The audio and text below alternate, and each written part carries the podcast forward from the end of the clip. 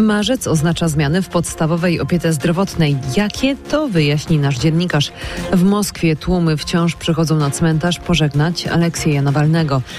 W tym wydaniu powiemy też o niszczającym ważnym miejscu dla historii teatru. To ośrodek, w którym pracował Jerzy Grotowski.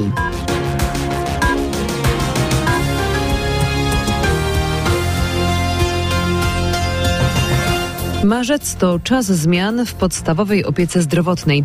Placówki, które prowadzą tak zwaną opiekę koordynowaną, muszą raportować nie tylko główną chorobę, lecz wszystkie choroby przewlekłe. Jaki ma być efekt tych nowych przepisów? Tym tematem zajął się nasz dziennikarz Michał Dobrołowicz. Posłuchajmy. To mają być dokładniejsze informacje o pacjentach, którzy coraz częściej niestety mają więcej niż jedną chorobę i lekarze diagnozują u nich jednocześnie na przykład cukrzycę i problemy z sercem. Opiekę koordynowaną w całej Polsce prowadzą obecnie prawie 2000 poradni POZ, czyli jedna trzecia wszystkich tego typu placówek. Tam pacjenci mają zapewniony dostęp nie tylko do lekarzy rodzinnych, lecz także na przykład właśnie do kardiologów czy diabetologów, opisuje profesor Agnieszka Mastalerz-Migas. Możemy pacjentowi założyć holter ciśnieniowy, możemy zrobić echo serca, więc ta diagnostyka, która do tej pory była tylko w poradni specjalistycznej dostępna, ona jest dostępna u lekarza podstawowej opieki zdrowotnej. Liczba poradni POZ, które prowadzą taką rozszerzoną opiekę powoli się zwiększa.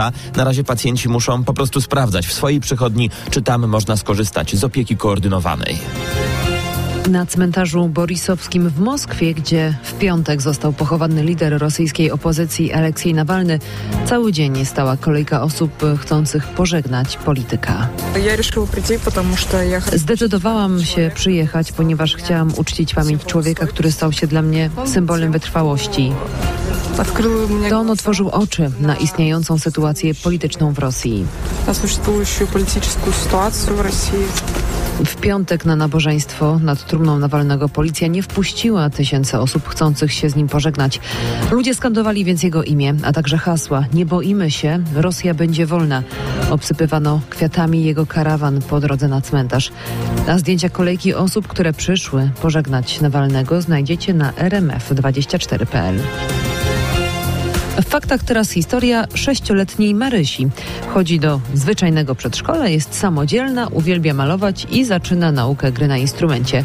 A urodziła się głucha. Teraz słyszy, bo lekarze z Instytutu Centrum Zdrowia Matki Polki w Łodzi wszczepili jej implanty ślimakowe. Co robisz tak na co dzień? Eee, do przedszkola. A co lubisz robić w czasie wolnym? Lubię rysować. Jak to jest z tymi aparacikami Marysi? Co one jej dają? Z nich całkowicie Marysia nie słyszy. Ale dają jej niezależność, e, możliwość rozwoju w swoich pasji, nauki.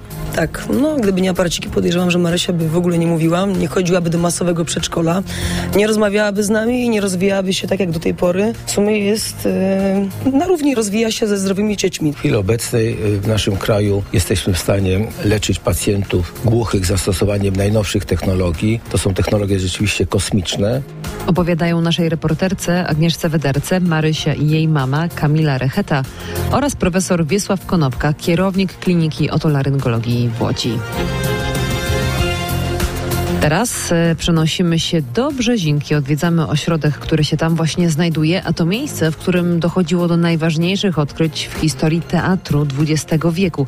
To miejsce upada. Założył je Jerzy Grotowski, jeden z najsłynniejszych reżyserów teatralnych. Z jego pracy czerpią twórcy z całego świata.